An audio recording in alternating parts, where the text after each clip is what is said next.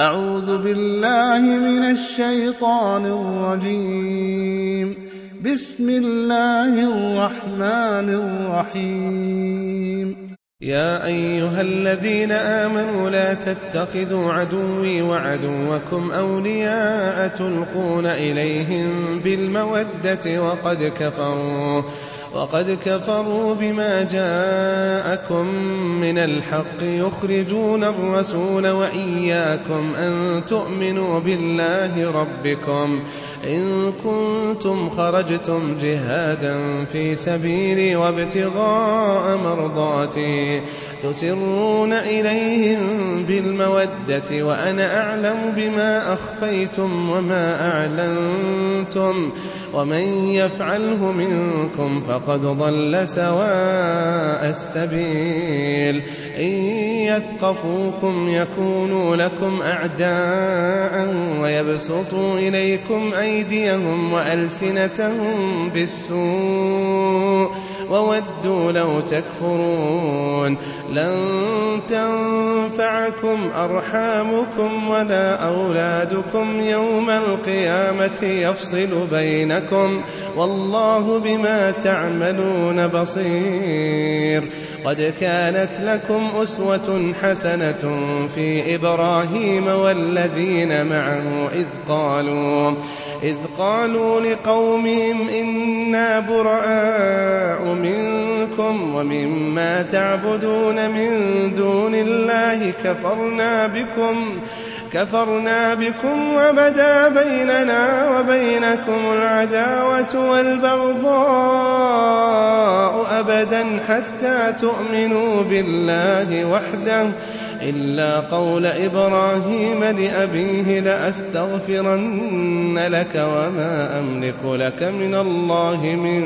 شيء ربنا عليك توكلنا وإليك أنبنا وإليك المصير ربنا لا تجعلنا فتنة للذين كفروا واغفر لنا ربنا إنك أنت العزيز الحكيم لقد كان لكم فيهم أسوة حسنة لمن كان يرجو الله واليوم الآخر ومن يتول فإن الله هو الغني الحميد عسى الله أن يجعل بينكم وبين الذين عاديتم منهم مودة والله قدير والله غفور رحيم لا ينهاكم الله عن الذين لم يقاتلوكم في الدين ولم يخرجوكم من دياركم أن تبروهم وتقسطوا إليهم إن الله يحب المقسطين إنما ينهاكم الله عن الذين قاتلوكم في الدين وأخرجوكم من دياركم وظاهروا على إخراجكم أن تولوهم ومن يتولهم فأولئك هم الظالمون يا أيها الذين آمنوا إذا جاءكم المؤمنات مهاجرات